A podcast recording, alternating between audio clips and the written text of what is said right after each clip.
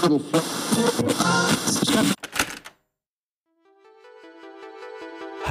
selamat datang di Overthinkers in Podcast. Kenapa Mel? Kenapa harus banyak itu kegiatan? aku tuh sampai dapet julukan sama teman-teman kak lu mau chat mana dulu jam berapapun pasti dibalas karena aku juga pernah tidur Oke, so good afternoon teman-teman. Selamat siang. Welcome to Overthinkers in Action Podcast. Nah, buat podcast ini sebenarnya nggak ada judul in particular karena sebenarnya pengen ngobrol-ngobrol aja nih dengan temanku lah, teman merangkap adik kelas di ITB, pengen tahu harus struggle dan dan teman-teman bisa inilah dapat inspirasi mungkin karena dia kegiatannya banyak pol-pol pol-pol jadi nanti kita klik kenapa kegiatannya bisa sebanyak itu. Ini ada Madeline. Yeay. Yeay, hai Kak Zesa, hai teman-teman semuanya. Hai Matt, kenalan, kenalan sedikit lah. Oke, hai teman-teman semuanya. Hi again, Kak Jasa. Uh, salam kenal teman-teman semuanya. Thank you so much first of all, Kak Jasa udah mau invite aku nih ke Overthink in Action. Such an honor karena uh, aku Madeline, anak tahun ketiga sekarang di Teknik Biomedis ITB adalah gak lain gak bukan seorang overthinker myself gitu. Jadi dan aku percaya pasti semua orang ada kadar overthinknya masing-masing gitu. Uh, hari ini aku senang banget karena I'll be sharing about some of my struggles karena biasa kalau sharing pun orang suka liatnya yang bagus-bagusnya aja atau kayak skills-skills apa yang aku dapetin tapi hari ini literally let's deep dive to how I survive uh, and why and hal-hal sebagai macamnya karena tentunya went through a lot of ups and downs gitu tapi uh, aside from that probably a bit about myself um, I like to hang out with people a lot. Let's say I'm an extrovert. Jadi kayak aku benar-benar bisa dapat energi dari orang-orang di sekitar aku. Aku suka kenalan sama orang baru. And I think with that being said, aku juga bisa dibilang orangnya cukup um, free spirited. Jadi aku suka coba-cobain hal baru, including traveling is one of my hobbies. Cobain makanan yang aneh-aneh is also one of my hobbies. Dan juga uh, there goes why aku banyak mungkin kegiatan karena aku juga suka cobain banyak kegiatan yang baru gitu untuk dapetin banyak experience yang baru. I think that's all a bit about me. Kak mungkin kita bisa proceed to the next stories and sharing aja. Yeay, mantap. Nah, jadi teman-teman, ya aku aku sebutin aja ya kegiatan Madeline ya, biar biar kebayang. Jadi Madeline tahun ketiga di biomedis di ITB, sibuk. Terus chairwoman IEEE ITB Student Branch. Chairwoman itu ketua, sibuk. YLI, batch 13, ORD, sibuk. Project lead, founder, Biomedik. Kalau teman-teman tidak tahu, silahkan dicek. Biomedik D-nya 2 di IG, sibuk. Terus sekarang ikut program Women Empowerment-nya atau ya pemberlengkapan buat inilah ya, buat cewek-cewek dari Unilever. Sibuk. Kenapa Mel? Kenapa harus sebanyak itu kegiatan? Oke, okay, uh, first of all, uh, semuanya nggak uh, eh semua ada kadar masing-masing sih kesibukan kak. Jadi aku tuh uh, pertama-tama sebelum ngambil kesibukan based on my own experience gitu di sebelum-sebelumnya aku udah tahu gitulah aku bisa multitask tapi maksimal tiga kegiatan besar aja gitu. Kalau lebih dari itu aku udah nggak bisa maksimal di each of those kegiatan gitu.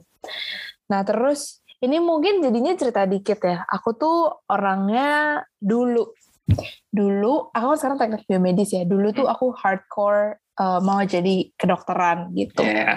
long story short aku uh, gak dapet ke dokter sekolah kedokteran. Akhirnya aku masuk ITB pursuing biomedical engineering.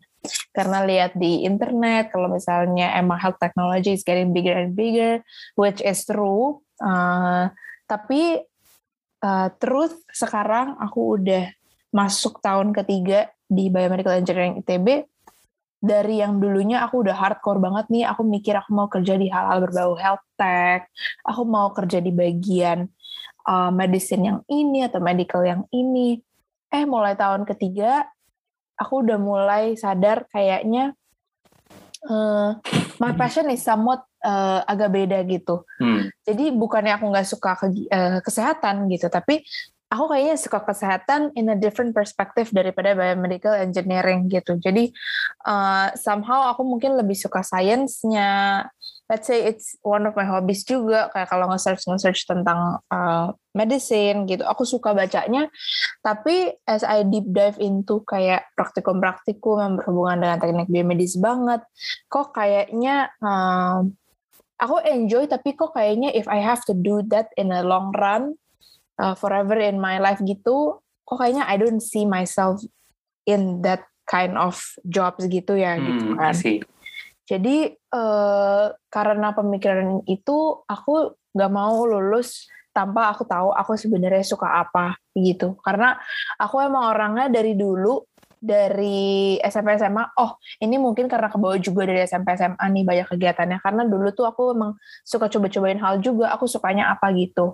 Dan pas SMP SMA aku emang ketemu aku sukanya OSIS. Itu pun after a lot of trials gitu. Aku hmm. coba ikut pramuka ikut ekskul ini. Aku sadar ternyata yang paling cocok sama my upbringing dan kesukaan aku dan kenyamanan aku itu OSIS gitu. Nah, mungkin karena itu sama aja gitu. Sekarang di kuliah dengan aku yang pun tahu kalau misalnya aku nih kayaknya ke depannya nggak bisa nih persu karir yang bener-bener health tech atau engineering banget kayaknya uh, aku harus cari yang lain gitu karena uh, karena udah tahu nggak bisa itu jadinya uh, aku mau cobain yang lain eh, itu that's why aku mulai coba-cobain ikut kegiatan gitu sih kak uh, dan teman-teman juga uh, karena mungkin ini yang mungkin aku bantu remind juga ke teman-teman uh, udah telat gitu. Kalau misalnya kita baru coba-cobain kegiatan setelah lulus jadi kan kita nggak tahu kerjaannya apa. Sayang juga udah masuk kerja kerjain terus ternyata kita nggak enjoy terus kita harus gonta-ganti kerjaan. Itu sayang juga menurutku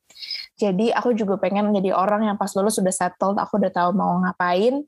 Therefore aku banyak cobain kegiatan gitu. Kayak sekarang di IEEE kan itu more of the engineering side dan juga organizational which I benar-benar enjoy juga. Mm-hmm. terus kayak while I exposure ke leadership experiences. Terus aku bisa kenalan sama teman-teman baru, terus ada exposure juga sedikit-sedikit ke consultingnya, hmm. karena itu kan from McKinsey, uh, jadinya hal-hal kayak gitu yang bikin aku mulai kayak expose sih kayak oh oke okay, kerjaan di consulting kayak gini kerjaan kalau mepet-mepet engineering atau tech kayak gini. Terus aku juga uh, kemarin itu magangnya di startup di Shopee aku jadi tahu juga ternyata kalau di startup kayak gini. Dan aku pun lagi ikut uh, udah selesai sih kemarin baru selesai acara engineering uh, woman leadership fellowship itu dari Unilever oh ternyata kerja di FMCG kayak gini kerja oh, berkaitan itu, itu satu hari doang atau beberapa hari itu cuma dua hari uh, oh kenapa, berarti kayak ini ya kayak acaraku yang dulu ini ya yang aku minta tanda tangan piala kamu itu ya Iya. Oh, nah, I see. kenapa aku decided to join juga karena cuma dua harinya itu sih kak salah satu pertimbanganku. Karena sekarang yang kayak tadi kakak udah bilang aku udah ada WLA, ada biomedic, ada mm -hmm. IEEE.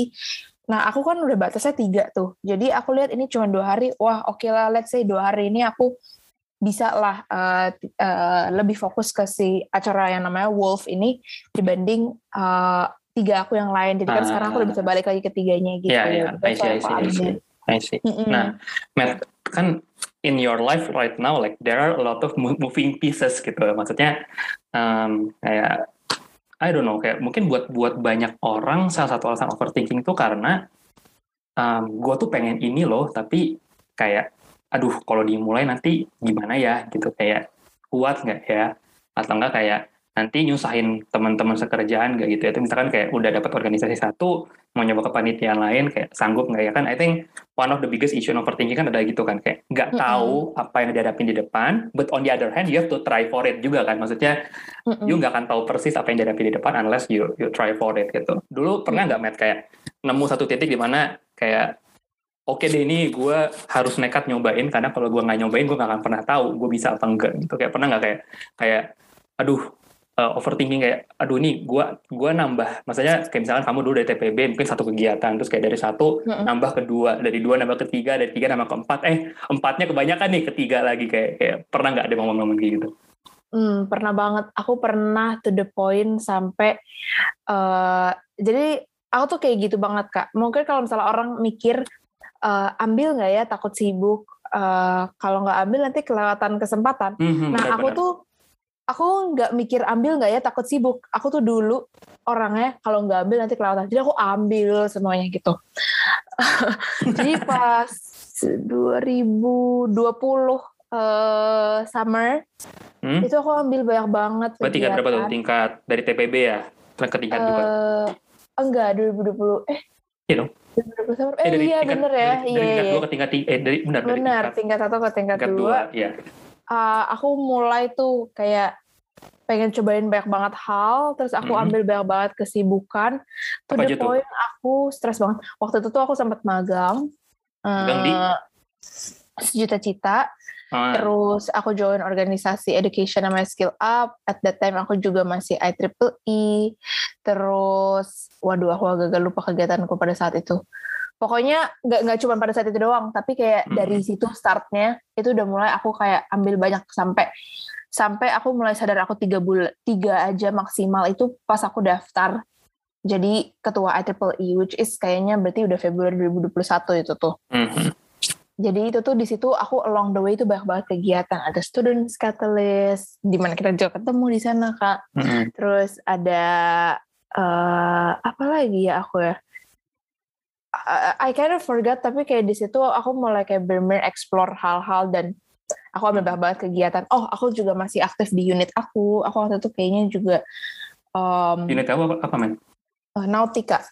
Oh, oke. Mm-mm. Sip, sip. Eh, nggak banyak mengambil waktu bang nggak nggak terlalu banyak mengambil waktu tapi kayak Banyak Oh. aja yang diikutin ya nggak sih? Maksudnya, banyak iya maksudnya kayak bisa jadi- aja skip-skip kan? Maksudnya nggak, nggak kan? Mm, Ya, pieces ya. by pieces. Oh, aku juga mulai ekspor lomba-lomba. Aku bisa ngikut sekali lomba dua gitu, yang which ternyata nggak efektif sama sekali setelah aku figure out sekarang.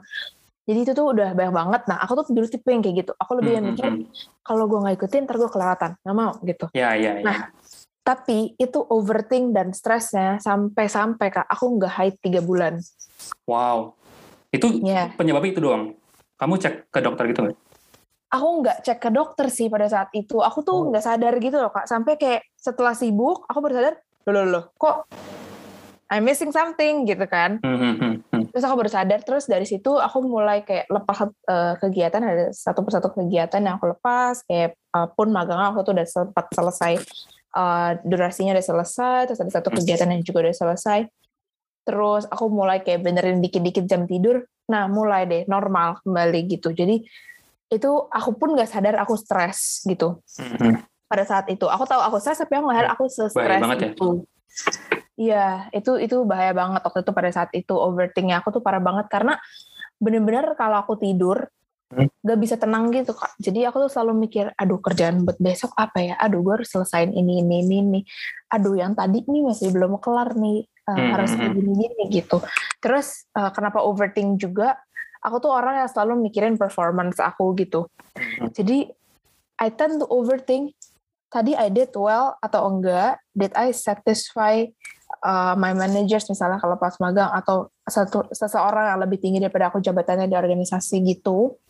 Did I made a mistake? Itu lebih parah lagi kalau aku made a mistake that day. Itu aku bakal kayak overthink parah banget. Jadi pada saat itu overthink aku lagi uh, gila banget gitu kan. Nah terus fast forward sampai 2021 itu yang Februari di awal aku udah tahu aku nggak bisa ambil banyak-banyak karena aku pun udah tahu stresnya capek banget yang kerjaannya tuh aku semester 3 semester 4 tuh kerjaan aku cuma nangis doang. Jadi kayak dibalik teman-teman yang lihat kegiatan aku Ternyata ya ada periode menangis, menangis saja. wah itu parah banget kak. Aku bener-bener nangis doang. Yang papa mama aku tuh sampai Tapi nangisnya tuh Eh. nangisnya tuh kenapa, Matt? Maksudnya apakah Capek. sebegitu sebegitu takutnya ngecewain orang atau kayak nggak berani ngelepas atau gimana? Soalnya kan Oh, I, enggak. I think gini loh, Matt. Maksudnya di, di tahap ini di tahap kul apa? Jadi mahasiswa tuh kegiatan nggak ada yang contractual obligation-nya you harus se- segini Benar. atau enggak you dipecat gitu loh. Jadi you sebenarnya punya option buat cabut kan, tapi why don't you take that at that point? eh, karena aku orang yang bener-bener komitmen Oke. jadi kalau dari awal aku udah itu udah inherent values aja berarti ya. Mm, itu emang Oke. udah personal value banget. Jadi aku nggak boleh cabut di tengah-tengah dan komitmen itu pun gak cuma berlaku aku sembarang nggak boleh cabut, tapi aku bisa hilang-hilangan selama aku jalanin. Tapi kalau aku udah jalanin ya udah harus maksimal gitu. Aduh, sampai hilang suaranya. Eh, nah pada saat itu jadinya banyak kegiatan, tapi aku harus maksimal di semuanya. Nangisnya tuh bukan karena overthink gimana Tapi tapi lebih capek aja. capek. Iya, iya, iya, iya. Jadi kayak TikTok TikTok yang nangis tapi gue nggak sempet nangis sebenarnya gitu. Tapi jadinya aku nugas sambil nangis gitu. Jadi Iya, kayak iya. mungkin itu salah satu cara uh, cope with capeknya aku ya. Jadi Hmm. aku nangisin aja gitu. Tapi kerjaan aku bener-bener nangis dong pada saat itu dan aku tuh sampai dapet julukan sama temen-temen kak. Lu mau chat Madeline jam berapapun pasti dibales karena aku gak pernah tidur. Enggak, enggak selebay gak pernah tidur. Tapi tidur aku tuh selalu jam 4 is my normal jam tidur Hmm. aku sering banget nggak tidur yang yang bener-bener dur gitu. Seharian aku nggak tidur terus tidurnya baru besoknya lagi. Itu Hmm. sering banget. Eh, karena waktu itu sempet chaos akademik juga karena praktikum tapi in the same time kegiatan aku banyak banget kayak gitu. Sampai sampai sempet kayak bisa melewati hari-hari yang bener-bener aku tuh nggak bernyawa sebenarnya yang kayak aku nggak ngerasain apa-apa aku capek banget. Dan itu sebenarnya terjadi pas aku lagi election chairwoman IEEE Hmm. itu adalah hari aku nggak bernyawa karena aku capek banget. Habis nggak tidur beberapa hari selain praktikum aku juga harus bikin presentation decknya untuk deliver.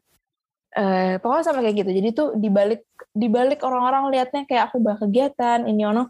Itu belakangnya tuh parah banget strugglesnya. Capeknya parah banget. Hmm. dan dari situ aku jadi tahu oke gue harus batasin dan aku belajar untuk say no itu sih. Karena dulu aku nggak bisa nolak orang. Dan aku nggak bisa nolak opportunities. Jadi nggak bisa say no ke orang nggak bisa say no to myself juga. Jadi dari Hmm. situ baru eh, karena overthink dan karena stres-stresnya itu baru aku bisa eh, belajar untuk kayak oke aku udah nggak bisa lagi lihat yang kayak kalau ketinggalan itu eh, kelewatan kesempatan. Kalau misalnya ikut banyak itu udah kebanyakan gitu nah sekarang malah konsiderasi aku yang pertama itu dulu pertama konsiderasi aku sekarang itu aku udah kebanyakan aku nggak bisa perform well dibanding Mhm. aku jalanin tapi setengah-setengah mending gak usah terus yang kedua baru nggak ada yang namanya ketinggalan kesempatan lebih ke ngelihatnya kesempatan mana yang paling bermanfaat buat diri aku sendiri gitu Ya, yes, yes, yes, yes, yes. iya Karena Jadi- kesempatan yang baik juga kalau nggak dimanfaatkan dengan baik di momen yang baik juga jadinya nggak baik kan. Yes. nah. benar aku nggak akan perform well juga gitu nggak akan dapat apa-apa nggak akan impress siapa pun juga gitu jadi jadi sekarang aku udah bisa dibilang lebih stable emotionally karena itu sih Mhm. We will continue in.